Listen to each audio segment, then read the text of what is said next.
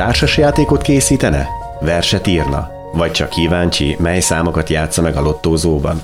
A chat GPT térhódítása az élet minden területén rányomta a bélyegét. Az oktatástól az orvostudományig mindenben használják az internetezők, még ha kockázatos is.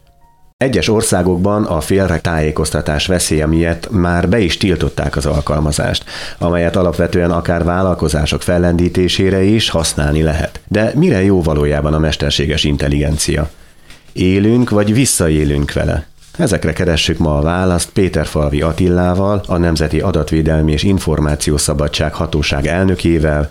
Jó napot kívánok! Jó napot kívánok! Kipróbálta már a Chat GPT-t? Igen, mielőtt jöttem, két dologban kértem a segítségét, hogy írjon egy verset az adatvédelemről, ezt megtette, a másik pedig, hogy milyen információkat tud rólam összeszedni, és amiket összeszedett, az valós információ. Tehát ebből a szempontból jól működik, bár korábbi ismeretem szerint az egyik ismerősöm gyermeke sikerült a dolgozatírás közben a telefonjáról chat GPT-nek a segítségét kérni, de egyes lett a dolgozata. Tehát nyilván ebből az következik egyébként, hogy nem mindegy, hogy milyen kérdéseket teszünk föl, ez szerintem egy alap, de úgy látszik, hogy nekem sikerült a jó kérdéseket föltenni, vagy legalábbis olyan kérdés, amire jól tudott válaszolni. Most a versnek a minőségét nyilván nem ö, ö, ítélném meg, de mégiscsak írt egy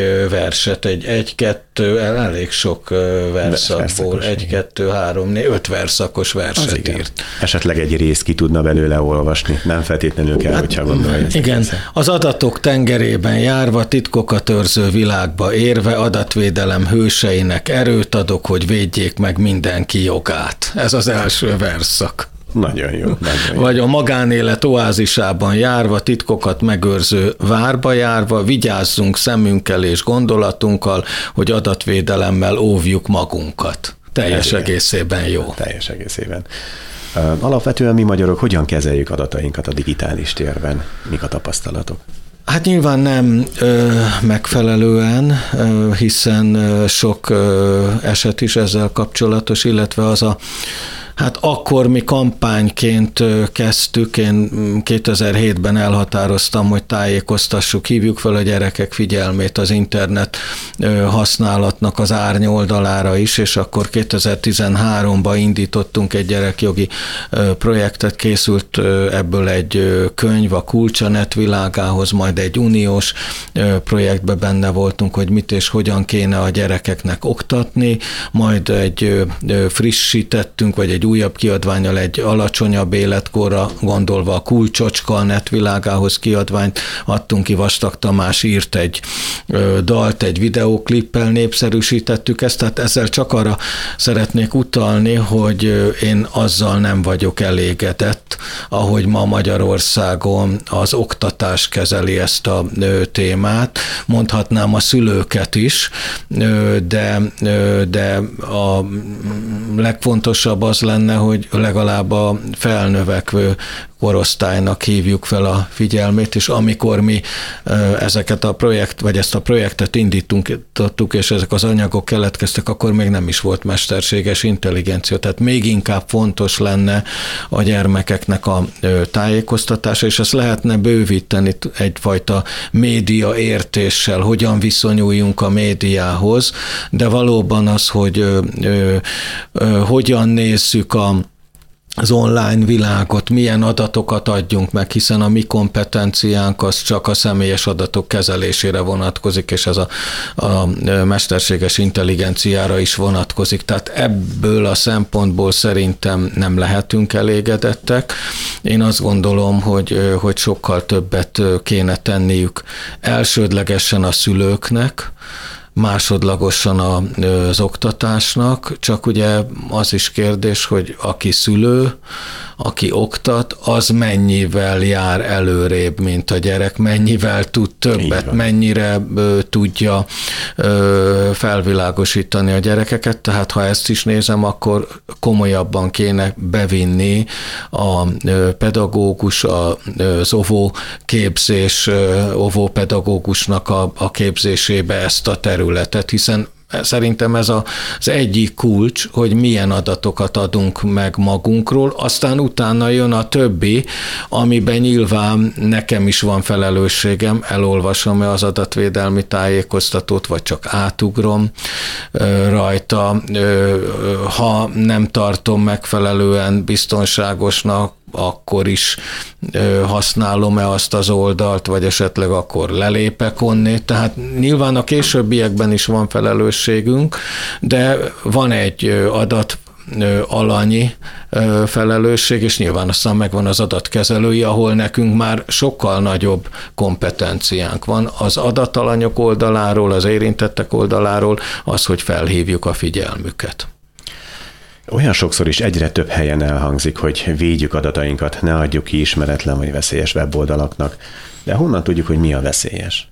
Hát ez, a, ez egy jó kérdés, és főleg ezért lenne fontos az adatkezelői tájékoztatókat, adatvédelmi tájékoztatókat elolvasni, hogy hogyan kezelik az adatunkat.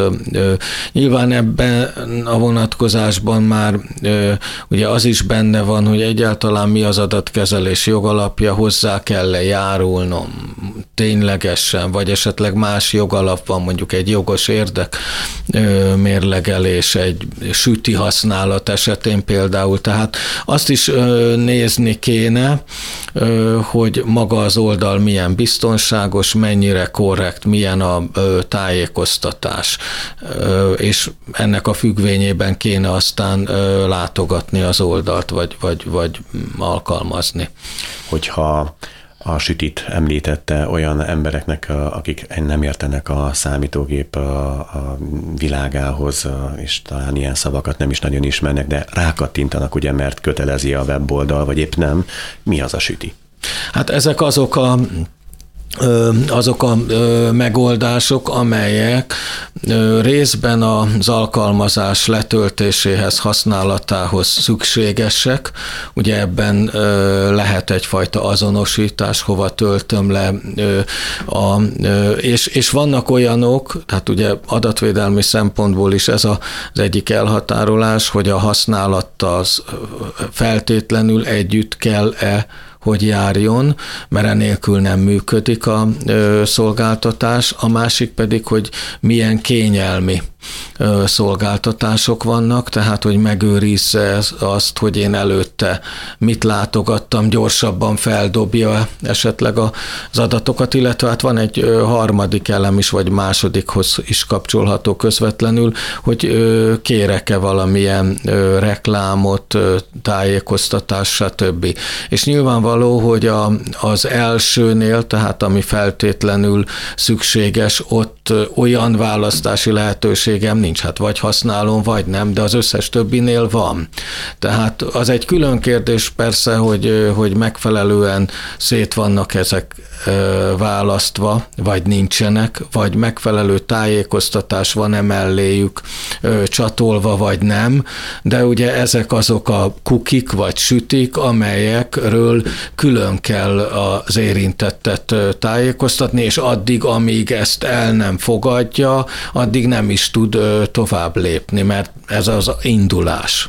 Mi a legrosszabb, ami történhet, ha megadjuk az adatainkat egy veszélyes weboldalnak? Hát az, hogy visszaélnek az adatainkkal, ugye nagyon sokféle módon lehet, ugye az is kérdés, hogy a, az adatainkat, ha megadtuk, akkor azokat tárolják-e, vagy azonnal törlik. Ha tárolják, akkor hogyan tárolják, milyen adatbiztonsági előírásokat tartanak be, illetve, hogy ott a, nem történik-e adatvédelmi incidens, ugye ez a biztonság sérülés, ez az egyik lehetőség, hogy sérül a biztonság és hozzájutnak illetéktelenek az adataimhoz, vagy egy másik, hogy eleve akinek megadtam az adataimat, az eleve egy jogellenes adatkezelés kapcsán mondjuk árulja az én adataimat, vagy jogellenesen továbbítja valahová, tehát mind a két eset lehetséges, ezért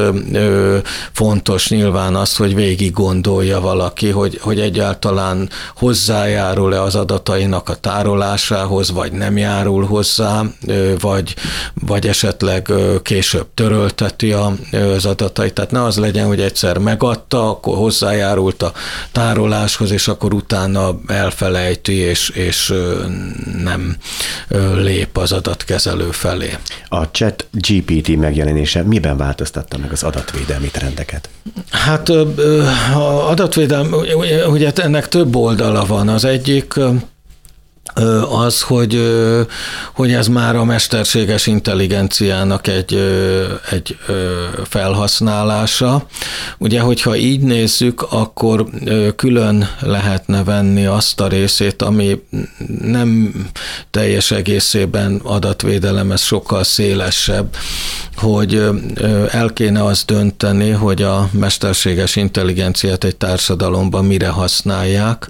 Ugye vannak olyan területek, amelyeknél tulajdonképpen egy, egy társadalmi konszenzus kellene a használatára, ez, ez nyilván a, a használatára vonatkozik. Ami az adatvédelmet érinti, vagy az adatvédelmi hatóságot, az nyilván a mesterséges intelligencia amikor ö, felhasznál személyes adatokat, akár úgy, hogy a ö, betanulása ö, során szüksége van ö, személyes adatoknak. Ugye lásd, ha a konkrét ügyet ö, nézzük a chat GPT-nél, akkor amit az olasz ö, hatóság ö, plusz követelményként előírt az a sajtókampány az olasz médiában, hogy, hogy a betanulás folyamán hogyan kezelt személyes adatokat, tehát ez, ez az egyik része. Ugye ehhez nagyon sok minden kapcsolódik, az, hogy az új technológia esetében az adatkezelő köteles egy adatvédelmi hatásvizsgálatot lefolytatni. Nyilván ugye az adatvédelmi hatásvizsgálatnak nagyon sok szempontja van. Ha utalnék az olasz hatóságnak a döntésére mi az adatkezelésnek a jogalapja. Ott az olasz adatvédelmi hatóság azt írta elő, hogy a szerződésről helyezzék át vagy a hozzájárulásra, vagy a jogos érdekre. Ugye ez utóbbi esetben kellett jogos érdek mérlegelést lefolytatni. Biztosítani kell az érintetti jogokat, a tiltakozáshoz való jogot. Tehát az első elsődleges az, hogy kell egy hatásvizsgálat. A hatásvizsgálat kapcsán nyilvánvaló hogy szükség lehet az adatvédelmi hatósággal egy előzetes konzultációra. Ugye ez azért fontos, mert a GDPR-nak, az Európai Unió adatvédelmi rendeletének az a, az elvi, nagyon fontos új, újítása, elvi, alapelvi követelmény, az elszámoltathatóság elve, vagyis az adatkezelőnek kell igazolnia, Igen. hogy az adatkezelése megfelel a Igen. GDPR rendelkezéseinek, az, az nagyon jól ö, ö, prezentálható egy hatásvizsgálattal, egy olyan hatásvizsgálattal, amelyet megtárgyalt a felügyeleti hatósággal. Tehát nyilván ez, ö, és ugye ez azért még úgy is érdekes, hogy a, a mesterséges intelligenciát pont az különbözteti meg az automatizált döntéshozataltól, hogy itt nem egy olyan algoritmus van csak, ami mindig állandó, hanem ez változik, és a gépnek van egy öntanulása is. Tehát ezért az elmúlt évben ősszel az isztambuli nemzetközi adatvédelmi konferencián épp az Európai Bizottság egyik képviselőjének az előadásában hangzott el az, hogy egyedül a tagállami adatvédelmi hatóságok vannak abban a helyzetben, nyilván a hatáskörüket gyakorolva, hogy a mesterséges intelligencia használatát, alkalmazását ellenőrizni tudják, és nagyon fontos itt az ellenőrzésnél, hogy nem elegendő pont az öntanulás miatt egy kiinduló ponti hatásvizsgálat, hanem azt folyamatosan vagy időszakonként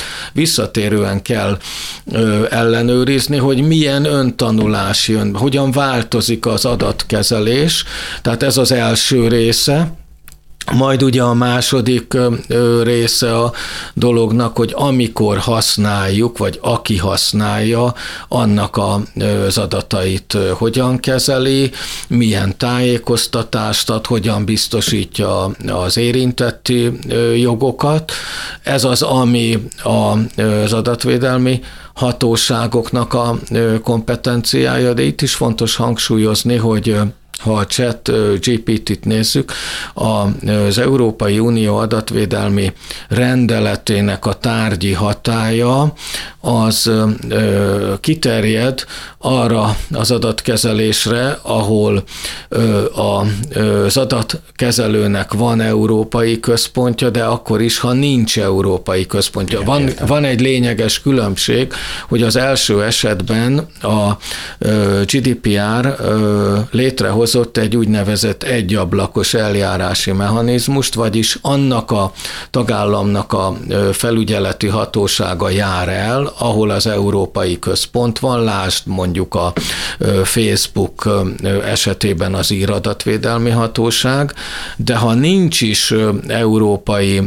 tevékenységi helye, de az európai polgárok számára nyújt szolgáltatást vagy viselkedést figyel meg, meg egyebek, akkor is a GDPR rendelkezéseit kell alkalmazni, de akkor nem csatornázza be egy ablakos ügyintézésbe, hanem minden tagállam felügyeleti hatósága eljár önállóan, viszont ez nem jelentheti azt, hogy eltérő döntések szülessenek, éppen ezért ebben az esetben is, a chat GPT esetében is az Európai Unió adatvédelmi hatóságait tömörítő szervezet, ez egy jogi személyiséggel rendelkező döntéshozó szerv, az Európai Adatvédelmi Testület létrehozott létrehozott egy alcsoportot, egy task force munkacsoportot, amelynek az a lényege, hogy összehangolja, egyeztessék a tagállami adatvédelmi hatóságok az eljárásukat. Így a, mi is megindítottuk, ha jól emlékszem, valamikor májusban a chat GPT-vel szemben az eljárást. Nyilván várnunk kellett arra, hogy az adat adatkezelő kijelöljön egy képviselőt Magyarországon, ez megtörtént egy ügyvédi iroda ö, ö, lett a képviselő, és nyilvánvaló, hogy ugyanazokat a kérdéseket ö, föltesszük, amelyet az olasz adatvédelmi hatóság is föltett. Ugye az, azért említettem, hogy az, oda, az olasz adatvédelmi hatóságnak az eljárásában voltak olyan kérdések, amelyek minden tagállamra nézve fontosak, és aztán voltak olyan követelmények az újraindításhoz kapcsolódóan, amelyek az Olaszországra vonatkoznak, például a sajtó vagy média kampány, tehát ebben az esetben se lehessen az, hogy, hogy eltérő megállapításra jutnak a hatóságok. Tehát folytatjuk mi is az eljárásunkat, és nyilván ugyanazok a kérdések merülnek föl függetlenül az adott országtól, hogy hogyan kezeli az adatokat, mi az adatkezelés jogalapja, van-e adatvédelmi tájékoztató, tudnak-e az érintettek az érintetti jogokat, jogukkal élni, tudják-e gyakorolni a tiltakozáshoz való jogukat, a helyesbítéshez, a törléshez való jogukat, tehát ezek mind ugyanezek a kérdések merülnek föl. Mindeközben az Európai Unió szabályozást sürget. De hogy miért, erről már Ződi Zsoltal, a Nemzeti Közszolgálati Egyetem tudományos főmunkatársával beszélgetünk. Köszöntöm a stúdióban. Jó napot kívánok! Hogyan lehet szabályozni a mesterséges intelligenciát? Mit szeretne az Európai Unió? A mesterséges intelligenciát sokféleképpen lehet szabályozni, egyáltalán nem csak úgy, ahogy egyébként ezt most a Európai Unió elképzeli. Először is lehet szabályozni nem feltétlenül csak jogi eszközökkel, tehát vannak ezek a puha jogi eszközök, vagy szoftó eszközök, amik szintén szóba jöhetnek, ezek a mindenféle etikai útmutatók, amelyek egyébként jelenleg nagyon divatosak a legtöbb ilyen nagy amerikai cég, aki mesterséges intelligenciával foglalkozik, van valamifajta belső etikai útmutatása, vagy például a szabványok. Hát végül is a mesterséges intelligencia is egy szoftver, amelyre vonatkozóan, más szoftverekre vonatkozóan vannak szabványok. A szabvány nem jogi instrumentum, hanem ez tulajdonképpen a műszaki emberek által összeírogathat mindenféle követelményeknek a halmazat, tehát lehet így is szabályozni. És aztán lehet kemény joggal is szabályozni, tehát igazi jogszabályokkal, de ez ebbe is nagyon sokféle lehetőség áll a rendelkezésünkre.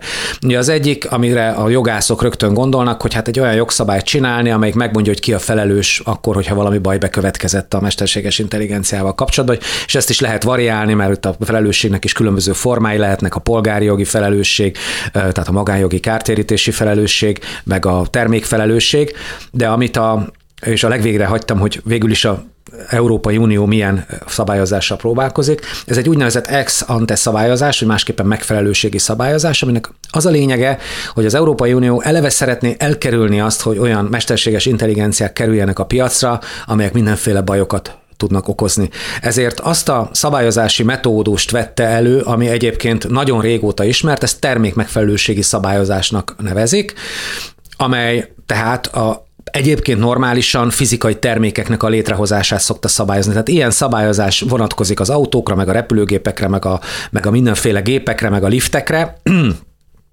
csak néhány példát mondjak, és ezt a szabályozási módszert próbálja meg ráhúzni, alkalmazni a mesterséges intelligenciára is. Mit jelent ez? Ez azt jelenti, hogy meghatározza, egyrészt csoport különböző kockázati csoportokba sorolja a mesterséges intelligenciákat. Van egy olyan kockázati csoport, ami tiltott, tehát ilyet létre se lehet egyáltalán hozni, majd erről esetleg beszélgethetünk. A másik a magas kockázatú, en, nagy, nagyobb részt a jogszabály a magas kockázatú mesterséges intelligenciákról szól. Ez részben a legnagyobb részt azért magas kockázatúak ezek, mert olyan területeken tevékenykednek, olyan területeken használják őket, amelyek egyébként kockázatosak. Tehát kockázatosak például a rendészet terén Igen. használt mesterséges intelligenciák, kockázatosak a bírósági munkában használt mesterséges intelligenciák. A banki szférában. Banki szférában, így van, tehát olyan mesterséges intelligenciákról van szó, amelyek kockázatos területeken mozognak. És akkor azt mondja ez a jogszabály, hogy ezeknek a kockázatos területeknek, területeken tevékenykedő mesterséges intelligenciáknak meg kell egy sor követelménynek felelni. Tehát ami egyébként mondom a termék megfelelőségi szabályozásból régóta ismert logika. Tehát, hogy akkor itt csak annyi a különbség, hogy miközben mondjuk egy autónál megmondják azt, hogy akkor a nem tudom én a kormány összekötő rúdnak milyen vastagnak kell lenni, hogy ne törjön el. Itt a szoftver, itt mivel egy szoftverről van szó, itt a szoftverre vonatkozó követelményeket határoz meg. Mivel a mesterséges intelligenciák tipikusan gépi tanuláson alapszanak, ami azt jelenti, hogy adatokból dolgoznak, Igen. és amennyiben az adat szennyezett, rossz, rossz minőségű, nem reprezentatív, vagy akármicsoda, akkor abban az esetben egy rossz végeredmény is fog kisülni. Például ezek között a követelmények között kiemelt figyelmet fordítanak az adatkormányzásra, amit ők hívnak, ugye ez data governance-nak az elég béna magyar fordítása. Tehát az adatkormányzás az például egy nagyon fontos része ennek a követelményrendszernek, ami azt határozza meg, hogy hogyan kell az adatokat Igen kezelni, hogyan kell mintát venni, milyen, mikor, hogy kell azt csinálni, hogy reprezentatív legyen, mire kell odafigyelni, hogy kell címkézni, és így tovább, és így tovább. Tehát így kell elképzelni az Európai Unió szabályozását nagy vonalakban. Ezzel egyetérte hazánk is? Vagy ebben is, mint sok más jogszabályban különutasok lennénk? Én nem tudok róla, hogy nekünk problémánk lenne ezzel a jogszabálya. Szerintem ez egy olyan nagyon fontos és jelenleg az emberiség szempontjából kiemelten kockázatos ügy, amelyik valamilyen szabályozás biztosan kíván, és mivel egyelőre nem tudja sok pontosan senki, hogy ez a szabályozás mennyire lesz hatékony, vagy mennyire nem lesz hatékony, illetve valójában politikai álláspontok és oldalak mentén nincsen semmifajta megosztottság általában Ugye egyébként a technológiai kérdésekben lehet megosztottság, tehát a kérdés nem, egyáltalán nem rossz. Majd mondok példát arra, hogy milyen területek vannak, ahol ez a megosztottság simán érvényesül. A mesterséges intelligenciánál egyelőre úgy tűnik, hogy szinte teljes konszenzus van az oldalaktól függően, függetlenül abban, hogy ezt valamilyen módon szabályozni kell, nem szabad ráengedni a társadalomra kontroll nélkül, nem szabad hagyni azt, hogy a fejlesztő cégek mindenfajta előzetes minőségi átvizsgálás, megfelelőségi szabály nélkül ráengedjék Hát azért próbáljuk azt elképzelni, azt a helyzetet, hogy mondjuk a, nem tudom én, a kültéri arcfelismerő kamerák felismernek, aztán utána egy rendészeti, kockát elemző szoftver veszélyesnek minősít Igen. valakit, és akkor ott elkezdik vegzálni. Ezt most, tehát tényleg a, a példákat nagyon sok, ö, ö, sokáig lehetne sorolni, de azért ez, ez, ezeknek a dolgoknak van ám tétje, és ezért ebbe a dologba konszenzus van, nincs ö, különutas magyar álláspont. Viszont visszatérve arra, mert megígértem, hogy mondok példát Igen. az ellenkezőjére. Például itt van a, a platformok szabályozása, tehát a nagy köz, közösségi média platformok szabályozása. Ott például határozottan van egy törésvonal, a, mondjuk úgy, hogy a progresszív oldal és a, és a konzervatív Igen. oldal között. A progresszív oldal érdekes módon egyébként magára vállalta a online biztonságos tér, tehát a biztonságos online térnek a, a, a, az értékét kezdte el képviselni az elmúlt évtizedben. Igen. Ami És nagyjából azt jelenti, hogy bármilyen, bármilyen ö, mindenféle veszélytől meg kell óvni a, az online térben mozgó embereket. Ezzel szemben egyébként a konzervatív oldal ö, meg azt mondja, ö, és ez egyébként Amerikában kifejezetten ilyen republikánus demokrata ö, megosztottságot eredményezett, hogy szerintük a szólásszabadság fontosabb ebből a szempontból, és adott esetben egy el kell viselnünk a bántó véleményeket, és vagy el kell viselnünk azt, hogy a nem minden pontján állandóan ö, teljesen biztonságos ez az online tér, néha kényelmetlen behatások fognak érni bennünket, de sokkal nagyobb érték a szólásszabadságnak az értéke annál, mint sem, hogy ezt elkezdjük indokolatlanul korlátozni, cenzúrázni. Tehát tehát azt akarom csak ezzel, ezt azt akartam mondani, hogy van a technológiai kérdések kapcsán is simán lehetnek, ott is vannak értékválasztások, de jelenleg ez egyébként a mesterséges intelligencia kapcsán még nem érvényesül.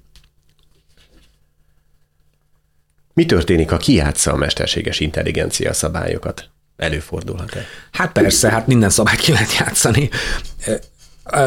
Attól függ, hogy milyen szabályt játszanak ki. Azért itt azt kell tudni, és akkor egy picit, a, ha belemegyünk a részletekbe, hogy vannak úgynevezett tiltott kategóriák. Igen. Tehát a mesterséges intelligencia jogszabályban négy ilyen kategória van. Az első az a tudatalatti manipulációra, mm, kifejezetten ebből a célból készült mesterséges intelligenciák van, egy második típus, ami kicsit hasonlít ehhez, az a egyéni kiszolgáltatottságot kihasználó kategóriák, tehát az éle, akár az életkori, vagy valamilyen más fogyatkozást kihasználó mesterséges intelligenciák, a társadalmi osztályozási rendszer, ez a credit social scoring, amit a kínaiak csinálnak, az van betiltva, és a kültéri arcfelismerés, valós idejű arcfelismerés, ez, ez egyébként ez alól rengeteg kivétel van, mert terrorista bűncselekmények felderítése, vagy elveszett gyermekeknek a megtalálása, meg hasonló más kivételek esetén lehet alkalmazni, igen, igen, köztéren is arcfelismerő kamerákat,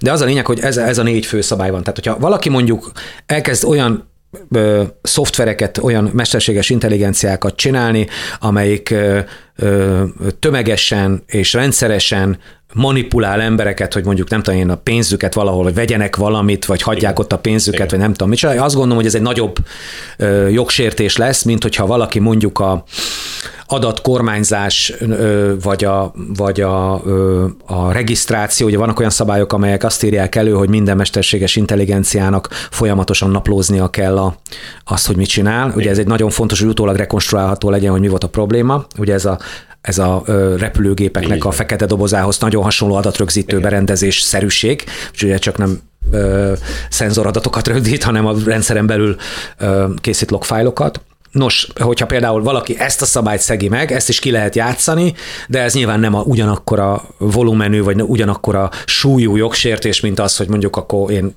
én a tilalom ellenére csinálok egyet. Tehát ki lehet ezeket a szabályokat játszani, ugye a logikából eredően, tehát a mesterséges intelligencia jogszabály alaplogikájából eredően elvileg, amikor elkészül egy ilyen rendszer, akkor a teljes dokumentációját egy minősítő szervezetnek be kell adni, lesznek ilyen minősítő szervezetek, ezek létre fognak jönni az elkövetkező egy-két évben.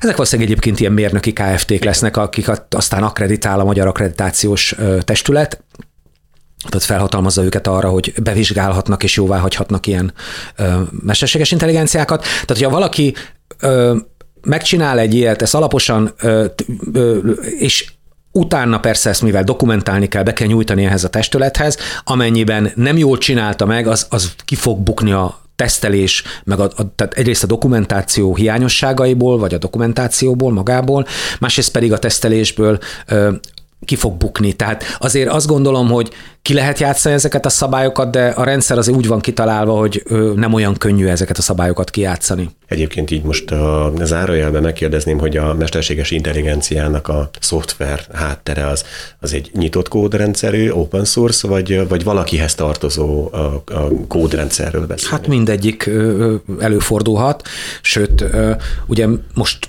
a legújabb ugye ezek a nagy nyelvi modellek, hogy ezek a LLM-nek rövidítik őket, a Large Language Model, amiket a ChatGPT 4-es meg a többi is alkalmaz, meg tágabban a generatív ö, ö, mesterséges intelligenciák. Ezeknek egy része teljesen ö, nyitott, így van, tehát ö, olyan rendszer, ami egyrészt dok- nem csak nyitott, hanem egyúttal dokumentált is, és fejleszthető, továbbfejleszthető, tehát nem csak egyszerűen nyílt forráskódú, hanem, hanem, hanem open source, tehát teljes egészében így, így. lehet továbbfejleszteni külsősök által, és ilyen ilyen rendszerek is vannak, meg vannak olyan rendszerek is, amilyen egyébként maga az OpenAI-nak sajnos a rendszere, amelyik ugye a legnépszerűbb lett, amelyek pedig valamilyen cégnek a tulajdonában vannak. Tehát ezek a, ez a forráskód, ez nem nyitott, Valami. sőt nem is nagyon dokumentált, és nem is nagyon lehet tudni egyébként, hogy mi van benne, csak ugye amikor ö, rákérdezünk valamire, és hirtelen ott a válaszban ilyen fura dolgok elkezdenek kijönni. Ugye minnyáján tudjuk, hogy, vagy hallottunk ezekről az esetekről, hogy nem tudom én, fejlesztő cégeknek, talán a Samsungnak valami belső kódjait is kiadta, mert ugye kódolni is tud szegényke, szoftvert írni, és akkor elkezdte azokat a kódokat hirtelen megjeleníteni, amiket elvileg a, egy, egy cég belső, belső rendszerében tároltak, csak hát nyilván ők is ilyen co-pilotnak használták valószínűleg a ChatGPT-t, és az, az egyébként úgy van, hogy a, valaki oda beír adatokat, feltölt dokumentumokat, szöveget vagy adatot, az, e, az abban a pillanatban a cégé lesz, tehát azzal, azzal utána sajnos ő akármit is csinálhat. Úgyhogy ilyen előfordult, én nagyon annak a híve vagyok, hogy ez legyen nyitott, tehát, mert úgy gondolom, hogy ahhoz, hogy ne az, a, azok a disztópiák valósuljanak meg, Igen. amelyek szerint egy kisebbség tulajdonképpen uralja a világot ezeken a rendszereken keresztül, illetve azok a cégek, amelyek anyagilag megengedhetik Pontosan. maguknak, azok Igen. Ö, behozhatatlan versenyelőnybe kerülnek más szembe, mivel ő nekik van, lesz pénzük arra, hogy ezekre a nyelvi modellekre például előfizessenek, vagy üzleti előfizetést tudjanak vásárolni.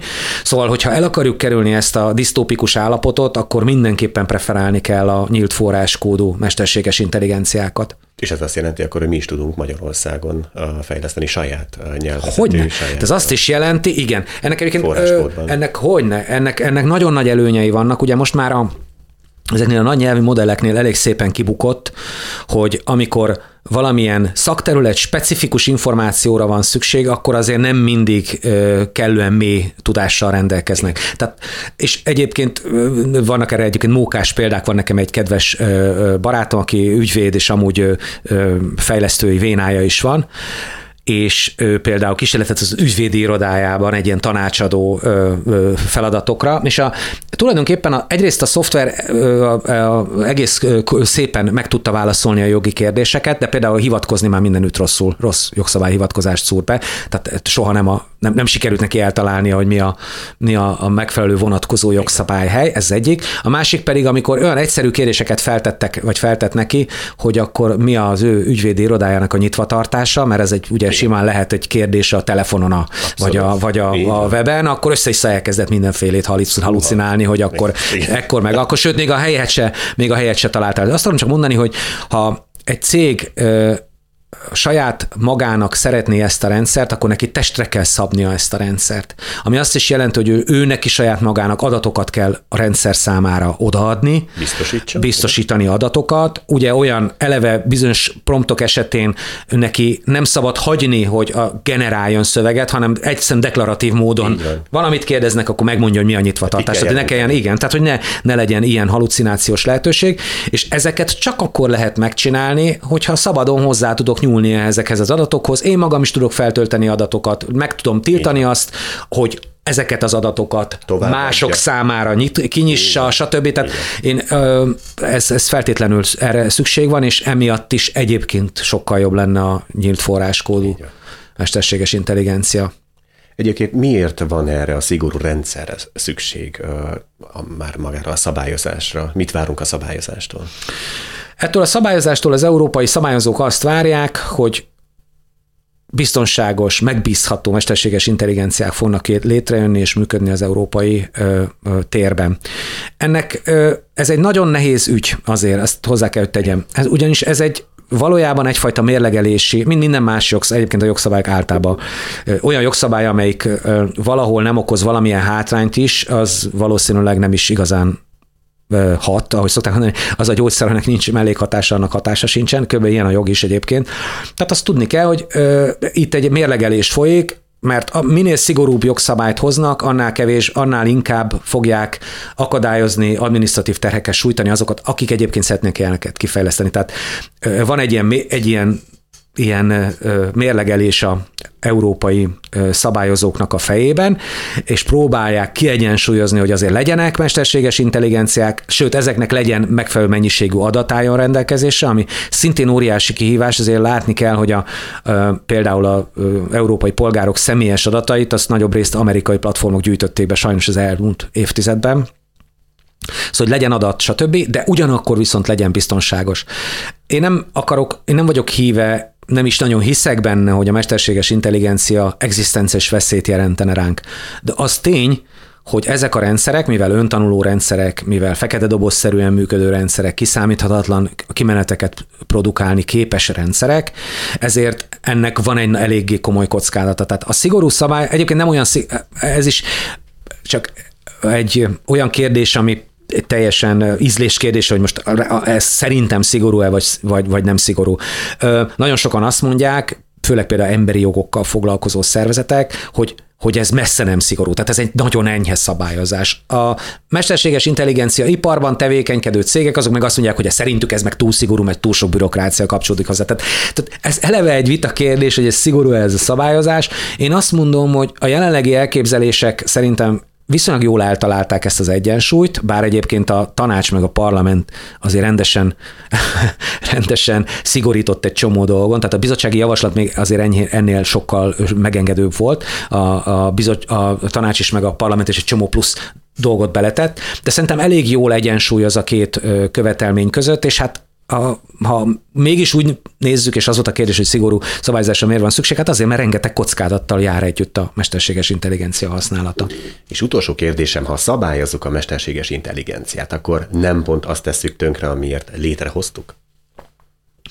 Lehet szerintem olyan mesterséges intelligenciákat létrehozni, amelyek bizonyos szélsőséges eseteket, kimeneteket nem produkálnak, de ugyanakkor viszont nagyon hasznosan tudnak működni a mindennapokban. Tehát nem tudjuk, szerintem lehetséges elérni egy olyan állapotot, amikor biztonságosan működnek ezek a mesterséges intelligenciák körülöttünk, és ugyanakkor nem folytjuk meg őket. Jelenleg egyébként szerintem a európai mesterséges intelligencia fejlesztéseknek nem az a problémája, és szerintem a jövőben sem az lesz a legfőbb problémája, hogy túl szigorú a szabályozás. Ezt egyébként sokan mondják, főleg én, nekem elég sok IT iparban tevékenykedő ember ismerősöm van, és azok imádják ezt, ezt siránkozni ezen, hogy akkor most vége mindennek, mert tele lesz a bürokráciával ez az egész folyamat. Én ezt nem hiszem, nem gondolom. Tehát szerintem, szerintem lehet olyan állapotot elérni, hogy beszerre biztonságos, és ugyanakkor pedig ö, ö, van egy virágzó, ö, virágzó mesterséges intelligencia piac, de még egyszer, tehát nem, ez szerintem nem ez a fő probléma. Elmondom, hogy mi a, szerintem a két fő probléma Európában. Az egyik fő probléma, hogy nincs kellő mennyiségű kockázati tőke, amelyek ezekbe beleáramolnak. Tehát egyszerűen egy Amerikával összehasonlítva 20-szoros mennyiségű kockázati tőke áramlik. Mindenféle, már bocsánat a kifejezésén, marhaságra dollár százmilliókat lehet pillanatokat Amerikába összegyűjteni. És ez azt is jelenti, hogy persze 100 projektből csak kettő az, amik értelmes, a maradék 98 az tök hülyeség, sőt az is lehet, hogy elbukja a pénzét az illető befektető, de a maradék kettőből meg simán kijön a 98 projektnek a bukója, vagy bukását, bukása a 98 kudarcot vallott projektben elbukott pénz simán visszatérül. Tehát az, ez az egyik probléma. A másik, egyébként ennél még súlyosabb probléma az az, hogy nincs elég adat Európában. Tehát ezek a rendszerek, ezek adatéhesek. Igen annyira adatéhesek, egyébként most ez csak egy ilyen vicces, és szerintem hát nem, inkább szomorú, de, de meglepő, inkább azt mondom, meglepő tényre hívnám fel a figyelmet, hogy sokan felhívták, sokan mondják most azt, hogy a következő nagy nyelvi modellekhez, nek a tanításához már nincs elég adat, mert egyszerűen az emberiség nem produkált összesen annyi új adatot az interneten, hogy ezeket a rendszereket, ezeket még egy nagyságrendel feljebb lehessen skálázni, ami ami, ha jó belegondolunk, ez egy őrület. Tehát, hogy nem tudunk mi emberek már annyi adatot termelni, ami elég lenne ezeknek a rendszereknek a feltanításához. Ezt ö, zárójelbe téve, Európában egy külön probléma az, hogy, ahogy említettem korábban, a nagy amerikai platformok, azok szépen lenyúlták az európai polgároknak a személyes adatait, és a, a többi területen is ezek a nagy amerikai platformok dominálnak, tehát a piactér platformokat és más ö, helyeket nézve, ö, más webes szolgáltatásokat nézve, és egész egyszerűen Európában, Európának külön erőfeszítéseket kell tennie annak érdekében, hogy ezeknek a rendszereknek rendelkezésére álljon megfelelő mennyiségű tanítóadat, mert nincsenek, nincsenek olyan cégek, akik ezeket agregálják és összegyűjtsék. Most egyébként az új, két új kezdeményezés az adat, ö, adat rendelet és az adat kormányzási rendelet az pont arról szólna, hogy ezt az adat mennyiséget valahogy Európában is előállítsák. Hogy mit hoz a jövő, azt egyelőre nem tudjuk. Lehet, hogy meg kellene kérdezni a mesterséges intelligenciától. Én minden esetre köszönöm, hogy itt volt. Köszönöm szépen.